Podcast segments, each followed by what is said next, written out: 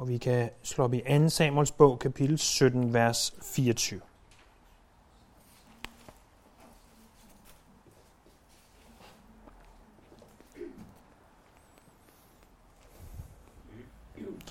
Hvor vi læser, at da Absalon og alle israelitterne med ham var kommet over Jordan, var David nået til Mahanaim. Absalon havde gjort Amasa til herrchef i stedet for Joab, og Massa var søn af en Ishmaelit, der hed Jitra. Jitra var gift med Abigail, der var datter af Nahash og søster til Joabs mor, Seruah. Israelitterne Absalon stod lejr i Gileads land, så snart David var kommet til Mahanaim, øh, kom Shobi, søn af Nahash, fra Ammonitterne, Rabba og Makias søn af Amiel fra Lodebar, og Gileaden, Basilai fra Rogelim. Øh, de havde senge og skåle og lærkar med sig. Desuden vedbyg, mel, ristet korn, bønner, linser, honning, tykmælk, småkvæg og komælsost som proviant til David og hans mænd. De tænkte nemlig, soldaterne må være sultne, udmattede og tørstige efter opholdet i ørkenen.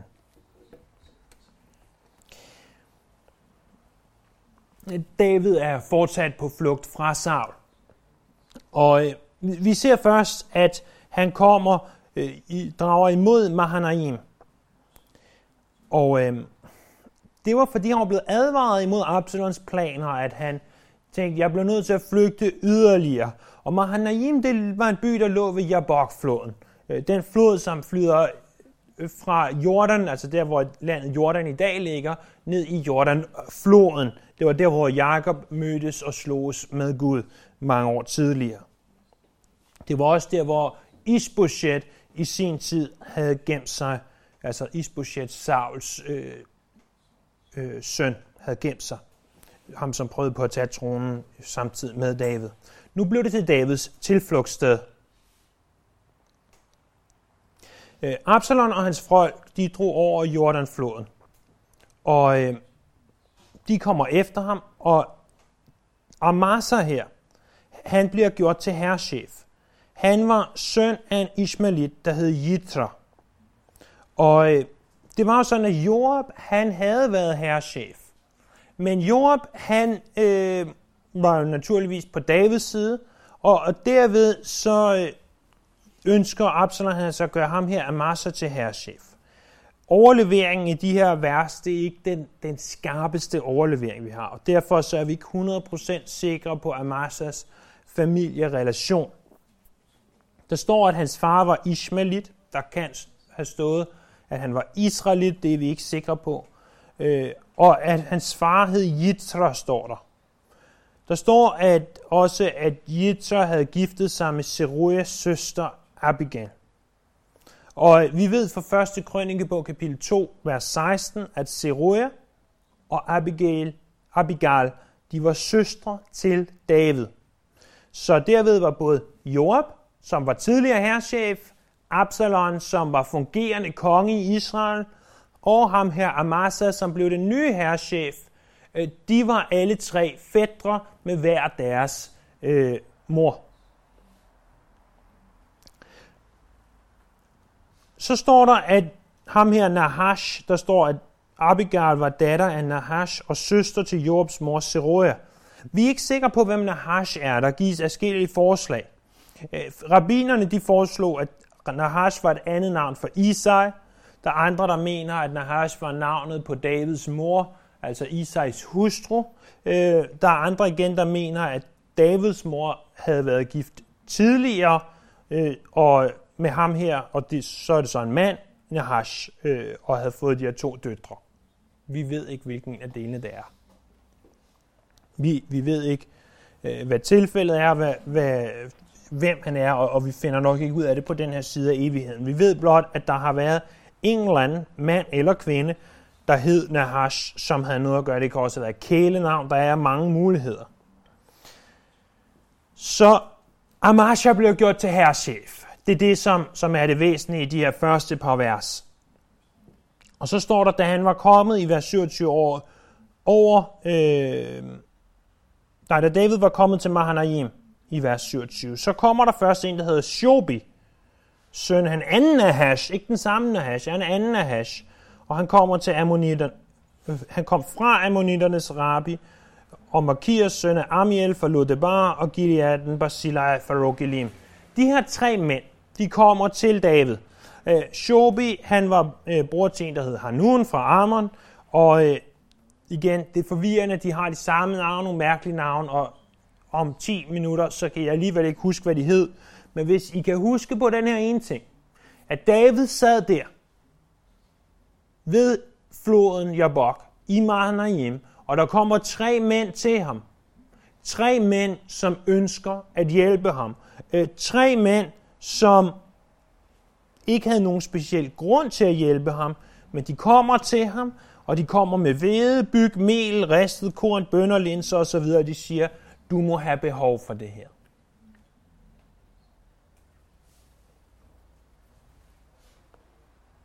Og Gud har de mærkeligste måder at hjælpe os på, når vi står i nødens stund. Når, når vi er i en situation, hvor vi ikke har noget tilbage, at han så sender en Shobi, en Makir og en Basilai til at hjælpe os øh, med de problemer, vi står i. Det er det, som er i hvert fald en af pointerne for de her øh, 6 første vers, vi ser på. Så ser vi videre i kapitel 18, vers 1. David mønstrede nu sine tropper og indsatte tusindfører og hundredfører over dem. Derefter sendte han hæren afsted i tre afdelinger. Joab fik kommandoen over den ene, og hans bror Abishai, Zeruias søn, fik kommandoen over den anden, og Itai fra Gat fik kommandoen over den tredje. Kongen sagde til hæren, jeg vil selv rykke ud sammen med jer. Øh, så David er nu klar over, at han bliver nødt til at kæmpe. Så han organiserer sin hær. Og øh, han indsætter altså de her 1000 fører og 100 fører, vi kunne kalde det løjtnanter og sergeanter, eller hvad du nu vil. Og øh, han, han indsætter dem til at gruppere og organisere. Udover det, så har han øh, tre, øh, lad os kalde det generaler, eller noget af den øh, stil, som han også indsætter, og det er altså Joab som den ene, og hans bror Abishai som den anden, dem har vi begge to mødt afskillige gange før, og, og den sidste, det er så Itai. Og der er noget specielt ved ham her, Itai. Fordi Itai var ikke israelit, Itai var filister. Og Itai, det var ham tilbage fra kapitel 15, vers 19, der siger, jeg vil blive hos dig, David. Og David siger, ej, tag du hen og vær sammen med Absalom. Du er ny her. Det, der er ikke noget for dig at gøre her sammen med Israels folk. Han siger, nej, jeg vil forblive trofast over for dig. Og så siger David til dem, at jamen, okay, øh, det må du godt i tage. Og nu, den mand, som viste sådan en trofasthed mod David, bliver gjort til en af hans tre herrchefer. Og David har også sagt, jeg vil selv rykke ud sammen med jer. Er det ikke en naturlig øh, ting at tænke for David? De er på flugt. David er en kriger. Det kan godt være, han er ved at være en aldrende mand. Men han er en kriger, og han ønsker at stå ved sine folk. Husker du, hvad problemet var tilbage i kapitel 11? Kapitel 11 handler om Batseba, og kapitel 11 indledte med, dengang kongerne plejer at gå ud i krig, der sad David tilbage på paladset og underforstået kede sig, går ud på taget, kigger, ser Batseba, øh, det ender i ægteskabsbrud, det ender i mor. Fordi han ikke var draget med i krig. Er det ikke en naturlig ting for David at tænke, nu drager jeg med. Jeg skal ikke komme til at kede mig i Mahanaim. Jeg vil med ud. Så siger hans folk noget overraskende.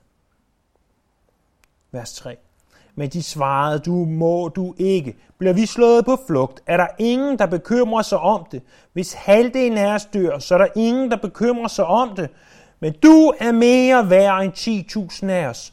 Derfor er det bedst, du bliver i byen og kommer os til undsætning derfra. Kongen sagde da til dem, jeg gør som I synes, og så stillede kongen sig ved byporten, mens tropperne rykkede ud i enheder på 100 mand og på 1000 mand. Det, som de siger til David her, det er faktisk et utroligt smukt billede. For de siger, nej David, hvis, hvis vi dør, det er der ingen, der bekymrer sig om. Havde Joab været død nu i den her krig, havde vi tænkt, at ja, du var alligevel lidt rebelsk, det går nok. Havde, havde Abishai været død, ja, du vil bare hugge hovedet af folk hele tiden, det går nok. Men havde David været død, så havde han været mere værd end 10.000 af dem. Vi skal huske Davids situation på det her tidspunkt. David var på flugt. David var øh, egentlig afsat som konge. En anden havde taget kongemagten. De her mænd kunne godt have sagt til David, du kan have dig selv. Vi går til Absalom. Han er yngre, han ser måske næsten bedre ud, han øh, har magten, han har folket på sin side, men de her mænd, de blev ved Davids side. Og de siger, David, du må blive tilbage i byen, så kan du hjælpe os fra byen. Hvis der skulle ske også noget, så kan du have nogle mænd parat i byen, og så kan du hjælpe os derfra, du kan måske forsvare byen, og så videre. Og er det ikke et billede på den hengivenhed, vi skal have til Jesus? At de her mænd, de var hengivne til Jesus, eller til David, øh, øh, uanset hvad der skete. Og den form for hengivenhed må vi også have til Jesus. Ikke at vi siger til ham, du skal blive tilbage i byen, nu drager vi ud. Men at vi må sige, du er langt mere værd end 10.000 af os. Jesus, jeg ønsker ikke, at dit navn bliver bespottet på nogen som helst tænkelig måde.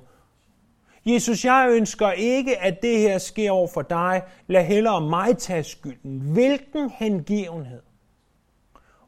Og må Herren selv give os noget af den hengivenhed, i det vi overgiver os til ham.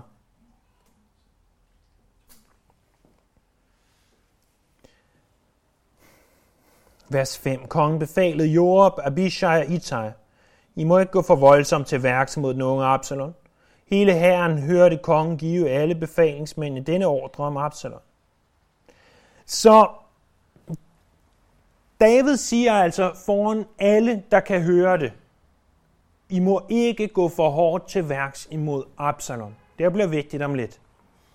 Øh, vers 6. Så drog herren i felten mod Israel, og slaget kom til at stå i Ephraim skoven. Se, det her er i sig selv så ironisk og tragisk på en og samme tid, at, at vi bliver nødt til lige at stoppe op et øjeblik.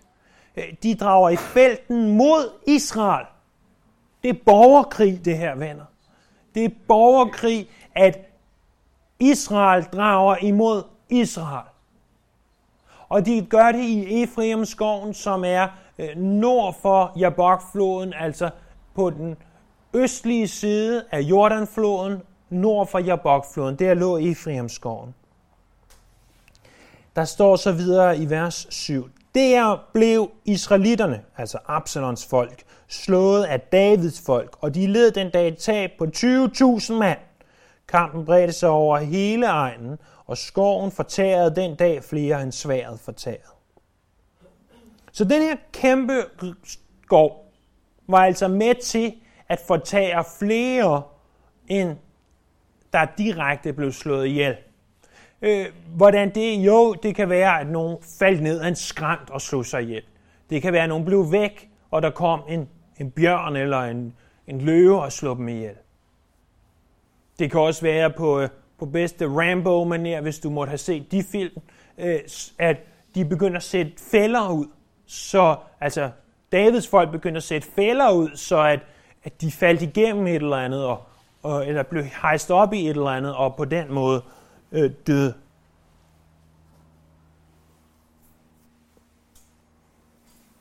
Uanset hvad der var årsagen til, at de døde den dag, de 20.000 mand, så bemærk, at skoven fortærede flere end svær. Hvem styrer i sidste ende skoven? Er det Davids mænd? Nej. Er det Robin Hood og hans mænd? Nej. Det er Gud.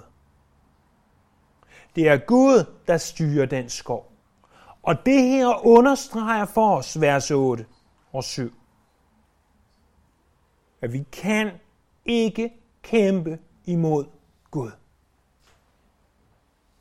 Hvis du forsøger at kæmpe imod Gud, så kæmper du en forgæves kamp. Hvis du tror, at du kan overvinde den almægtige, så har du på forhånd tabt.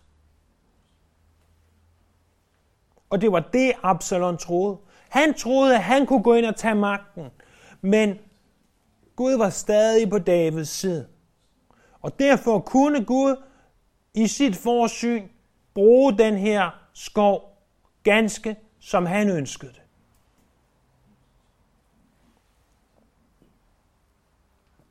Lad det være en påmindelse til os om, at hvis Gud er for os, så kan ingen være imod os. Men at hvis Gud er imod os, ikke imod os, men snarere imod det, vi gør, så kan intet være for os. Det første nævnte er et bibelvers, det sidste nævnte er konklusionen af det, vi læser her. Vers 9. Ved tilfælde blev Absalon set af Davids mænd. Han var kommet ridende på et muldyr, og muldyret var kommet ind under grenene på et stort egetræ. Hans hoved hang fast i træet, og han blev hængende mellem himmel og jord, mens dyret, han sad på, fortsatte.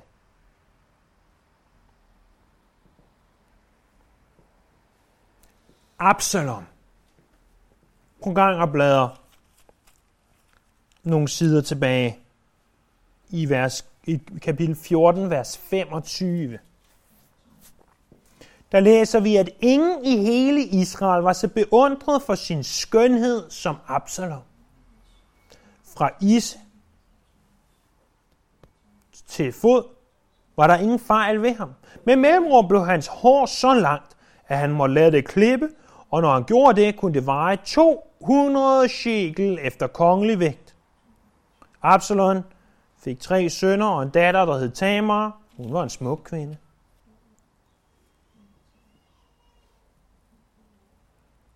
Absalons hår kunne veje op imod 200 shekel. Det er lidt afhængig af, hvordan man regner det ud, adskillige kilo, hvilket jeg har læst mig frem til er voldsomt voldsomt meget for noget hår.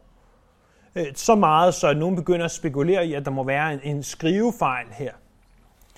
Derfor har bibelkommentatorerne spekuleret i, at når, når Absalom kommer ridende på sit muldyr, det må jo have set sjovt ud, ikke? sådan en statslig mand ridende der på, på et muldyr, øh, så kommer han der, og, øh, og hans tykke, tykke hår, som måske ikke er blevet klippet et stykke tid, hænger fast i en gren, og så fortsætter det her åndssvage muldyr bare videre, og så hænger han der og dingler. Og måske råber, hjælp, hjælp, hjælp, jeg skal ned. Øh, det havde ikke sket for mig i hvert fald. Det, det er helt sikkert. øh, og, øh, og der hænger han så. Vers 10. Det så en mand, og han fortalte Job det. Jeg har lige set Absalon, han hænger fast i en E. I øvrigt, det ord for E, det er det hebraiske udtryk elar, som er øh, det, som andre steder oversættes med en terbintetræ. Kan I huske, at David slogs imod Goliat i øh, Eladalen eller i Tirbinte-dalen. Vers 11. Job sagde da til manden, der fortalte ham det, når du så det, hvorfor slog du ham så ikke ihjel på stedet? Du havde fået 10 shekel sølv og et bælte af mig. Øh, hvad? Altså 10 shekel sølv, det kan jeg forstå. Men et bælte? Et bælte? Altså, hvem snakker du med? Det er jo ikke en eller anden kvinde, der har set et eller andet bælte med smykker på. Et bælte? Hvad sker der? Jo, et bælte var dengang et symbol på, på en øh, militær position, en militær forfremmelse. Så det er det, han taler om. Du har fået penge, du har fået øh, militær forfremmelse, du kriger, hvis du havde slået Absalon ihjel, når du så ham der. Det kunne Joab ikke forstå. Så ville du have fået alt det her med mig. så siger manden i vers 12, men manden svarede, om du så havde betalt mig tusind shekel. Ja, altså 100 gange så meget, så vil jeg ikke lægge hånd på kongens søn. Vi hørte jo selv, hvad kongen befalede dig, og Abishai og Itai. Pas på, at der ikke sker den unge mand Absalom noget. Så ham her manden, han har altså forstået, hvad David har sagt, og siger, jeg vil ikke slå Absalom ihjel, når David har sagt noget andet. Så den hengivenhed, vi tidligere så, den er lige pludselig vægt, når de er i felten. Vers 13. Skulle jeg sætte mit liv på spil? Der er jo ikke noget, der kan holde skjul for kongen, og du skulle nok holde dig udenfor. Job sagde, jeg vil ikke stå her og vente. Han greb tre spyd og jo dem i brystet på Absalon, som hang mellem egetræets grene og endnu var i live.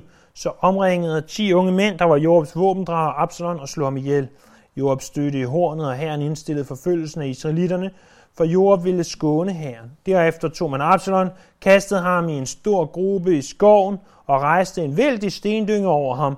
Men øh, der var alle israelitter flygtet hver til sit. Endnu mens Absalon var i live, havde han rejst en stenstøtte, som står i Kongedalen, for han sagde, jeg har ingen søn til at bevare mindet om mig, og han opkaldte stenstøtten efter sig. Og den dag i dag kaldes den for Absalons minde. Så Joab slår Absalon ihjel. Og de her 10 mænd, der er med Joab, hans våbendragere, altså de, der bar hans våben, Øh, de var med til at slå Absalon ihjel. Så kaster de ham ned i et hul ud i skoven og en kæmpe stendyng over ham, således at han ikke skulle få en grav hos, øh, i Jerusalem hos de, kongerne. Men der står så, at allerede mens han var i live, altså i det korte stykke tid, at han havde nået at være i Jerusalem, at der har han opstillet det her mindesmærke i Kongedalen. Det er altså i Jerusalem. Der er et lille øh, firkantet hus øh, med sådan et, et mærkeligt tag på, som man kalder for, for Absalons mindesmærke i Jerusalem i dag. Jeg kunne godt vise jer et billede af det, øh, men jeg vil ikke mene, at det er tjenestligt, eftersom at man er langt fra sikker på, at det har noget med Absalon at gøre, men det bliver kaldt for Absalons øh, mindesmærke i dag, og det er i Kidrondalen øh, mellem Olivenbjerget og øh, Ja, og Jerusalems gamle bymur. Dernede står det, og jeg ved, jeg har, har selv set det, og nogle af jer har helt sikkert også set det, uden måske at vide det. Men igen, øh, vi, kan ikke, vi kan simpelthen ikke vide, om det her det er sandt. Hvad var det, der ødelagde Absalom? På en gang at slå op i Ordsprogenes bog, kapitel 16, vers 18. Faktisk et af de mere velkendte vers i Ordsprogenes bog. Ordsprogenes bog, kapitel 16 og vers 18. Hovmod går forud for ulykke. Overmod går forud for fald. Absalons problem stammede ikke alene fra hans hår og hans smukke udseende, selvom det var en del af det. Det stammede fra, at han opsatte et mindesmærke for sig selv. Det stammede fra, at han sagde, nu vil jeg være konge i Jerusalem over hele Israel. Alt det overmod, alt det hovmod, det blev til hans ulykke. Var det ikke Lucifer, der sagde, jeg vil være som den højeste, og så faldt han. Og hovmod har lavet mange Guds mænd og kvinder falde. Øh, jeg går ud fra, at vi alle sammen har en idé om, hvem Billy Graham er. Vi kan sige ære, for han lever stadigvæk, og men han er øh, rigtig, rigtig gammel og ikke kan ret meget mere. Men da han var ung, der satte ham og, og hans venner sig ned, og så sagde de, der er nogle ting, vi ikke skal røre ved. Der er nogle ting, vi skal passe på her i tjenesten. Øh, en var, lad, lad os passe på kvinder, at de ikke bliver en, en øh, anstødsten for os penge. Lad os aldrig røre ved pengene. Lad os aldrig stjæle fra de tjenester, vi står i. Lad det ikke det være målet. Men så sagde de også en sidste ting. Det er Guds ære. Lad os aldrig røre ved æren. Lad os aldrig tage æren for alt det, som Gud gjorde og gør. Og mænd og kvinder, der tager æren for Gud, for det som han gør, de kommer til at diskvalificere sig selv. Når vi begynder at tage æren, så fyldes vi med hovmod, og så siger vi, se det store Babylon, som jeg har bygget, som Nebuchadnezzar sagde det der i Daniels bog, kapitel 4. Se den store menighed. Se den store familie. Se den. Men det er ikke os til Gud. Lad aldrig os tage æren. Lad os give al ære til Gud. Så vi ikke diskvalificerer os selv fra Guds arbejde. Øh, vi læser så videre i vers 19. Sadoks søn Akimas sagde, lad mig løbe over til kongen med det budskab, at Herren har skaffet ham ret over hans fjender. Øh, han var øh, den ene af de to siddende ypperste præsters søn. Så der var to ypperste præster. Sadok var den ene, og Ebiatar var den anden. Og Akimaras havde været blevet en slags budbringer imellem ypperste præsterne og David. Og han siger, lad mig løbe over og fortælle, at David har sejret. Og vers 20. Men Job svarede, i dag skal du ikke gå med bud. Du kan bringe bud en anden dag, men i dag skal du ikke gøre det. Kongens søn er jo død.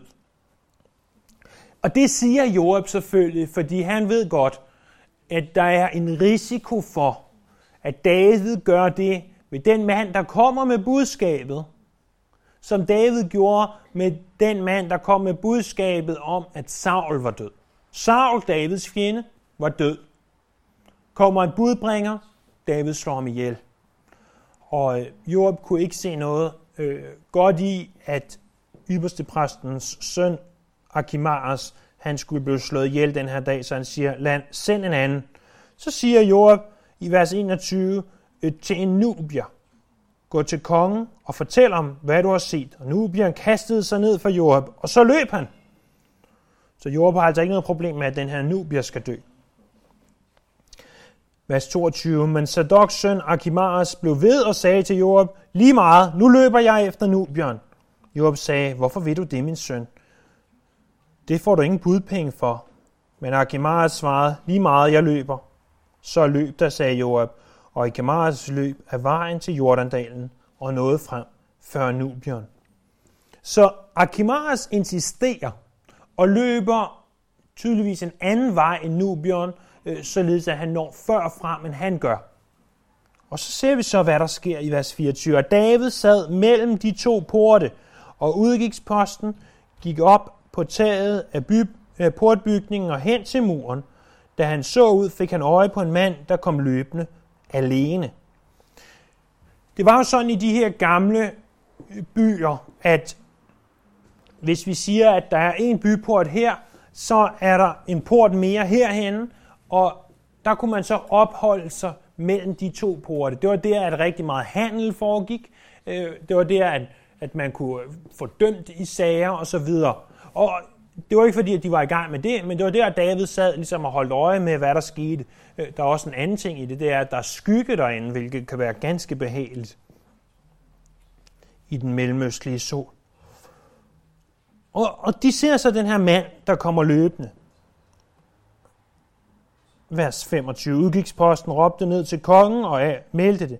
Og kongen sagde, kommer han alene, så må han have et budskab med. Men da manden var kommet nærmere, fik udkigsposten øje på en til, der kom løbende. Han råbte til portvagten, der kommer en mand løbende, han er alene. Og kongen sagde, han har nok også et budskab. Så havde der kommet mange, så havde de tænkt, de er på flugt. Men når der kommer en, så er det fordi, man har sendt en person med et budskab.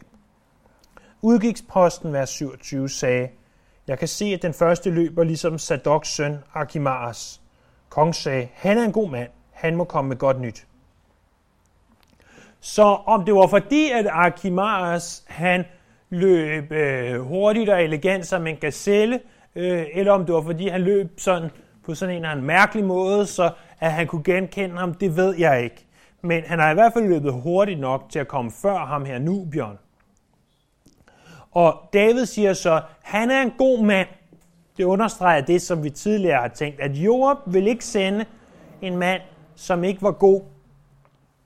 Altså han vil sende en dårlig mand, en, en mand, som var ligegyldig for dem, hvis det var et dårligt budskab, fordi at Job kendte godt til Davids temperament, og David kunne finde på at lade ham her slå ihjel, hvis der var noget, der ikke passede ham.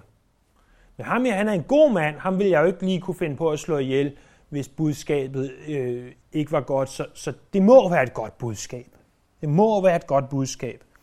Vers 28. Akimaras råbte til kongen, vær hilsen og kastede sig til jorden på, for ham. Derpå sagde han, Lovet være Herren din Gud, som har stanset de mænd, der har løftet hånden imod min herre, kongen. Og kongen spurgte da, er den unge Absalon i god behold? Akimaras svarede, jeg så, at der var stor forvirring, da kongens tjener Joab sendte mig afsted, herre konge. Jeg ved ikke noget som helst. Da sagde kongen, til side, stil dig derhen, og han trådte til side og blev stående. Så Akimars, ham her, der løber hurtigt, ham her, der er ypperste præstens søn, ham her, som af David betegnes som en god mand, han kommer ind og siger, du har vundet. Og David spørger, hvad med Absalom? Det ved jeg ikke noget om. Og han vidste udmærket, hvad der var sket. Det ved jeg ikke noget om. Stil dig derhen. Han gav et godt budskab. Han sagde det, som Absalom gerne ville høre. Absalom siger så, stil dig derhen. David sagde til Absalom, stil dig. Nej, Absalom sagde, nu er jeg fuldstændig forvirret. David sagde til Akimaas, stil dig derhen. Vers 31. I det samme kom Nubion, og han sagde, det meldes, min herre konge, at herren i dag har skaffet dig ret over alle dem, der har rejst sig mod dig. Kongen spurgte, er den unge Absalon i god behold? Nubion svarede, hvor det går alle dine fjender, min herre konge, har, og alle, der har rejst sig imod dig, som det er gået, den unge mand. Prøv at bemærke en kontrast. Da Akimaas kommer til David, der kaster han sig ned. Han kommer løbende, formodentlig flot og elegant som en gazelle.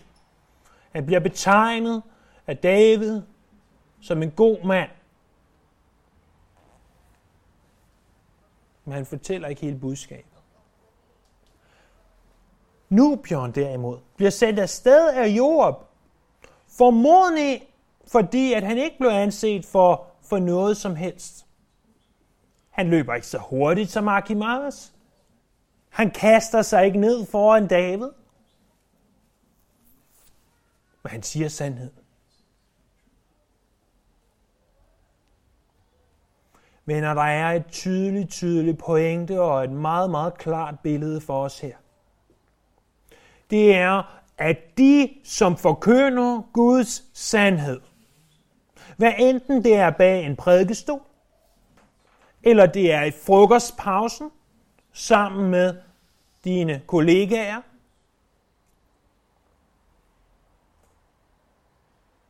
eller det er som Billy Graham på et stadion med 10.000 af mennesker. Må de og vi, som jo er, bør være iblandt dem, være som den her nubier, frem for at være som Akimaras. Din stil, løbestil, så at sige, den måde, du får sagt tingene på, gør ikke noget, at de er lidt kluntet, og du måske kommer til at bytte rundt på Absalon og David og Akimaras i en stor pærevælling. Det er ikke det, der betyder mest. Det betyder langt, langt, langt mere, om du siger sandheden. End at du ved, hvad det nyeste tv-show hedder, eller at du ved sådan og sådan. Og venner, må det være en opmuntring til dig og til mig om, at når vi forkynder Jesus, så behøver vi ikke at vide alt. Vi behøver ikke at komme og tro, at vi skal være et omvandrende leksikon, der kan fortælle alt Øh, lige nøjagtigt, som det skal være. Vi må stille os op ganske som de er, forkynde tingene som de er, og sige, sådan her hænger det sammen, at hvis du tror på Jesus, så arver du evigt liv. Hvis du ikke tror på Jesus, så arver du evigt død. Øh, må vi forkynde sandheden? Må vi ikke gå på kompromis med sandheden, blot for at være smarte og ind og hippe og hvad alle udtrykkene måtte være? Så kan det godt være, at du har begge dele, og Gud vil sige dig for det. Men sandheden er langt, langt, uendelig meget vigtigere end det ydre og end alt det, som er udenom. Er det ikke det, som hele Davids liv vidner om? Lige fra den dag, han bliver salvet. Og Samuel besøger deres hus. Og Samuel ser de her syv ældre brødre, som ser flottere og måske stærkere og mere modne ud end David. Og Gud så siger til Samuel, at Gud ser ikke som mennesker ser. Gud, han ser ikke på det ydre. Gud, han ser på hjertet. Skidt med, at vi kommer til at bytte rundt på et ord eller et navn. Skidt med, om vi har glemt at knappe en knap et sted. Alt sammen talt i overført betydning. Hvis blot vi siger sandhed.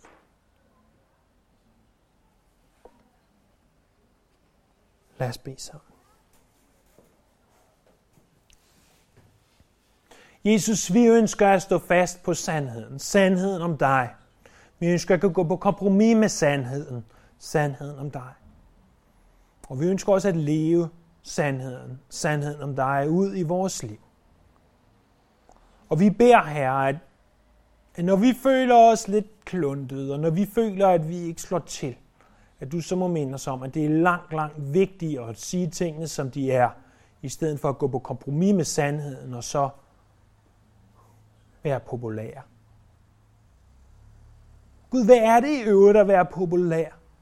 Jeg vil langt hellere være populær hos dig, end at være populær hos mennesker.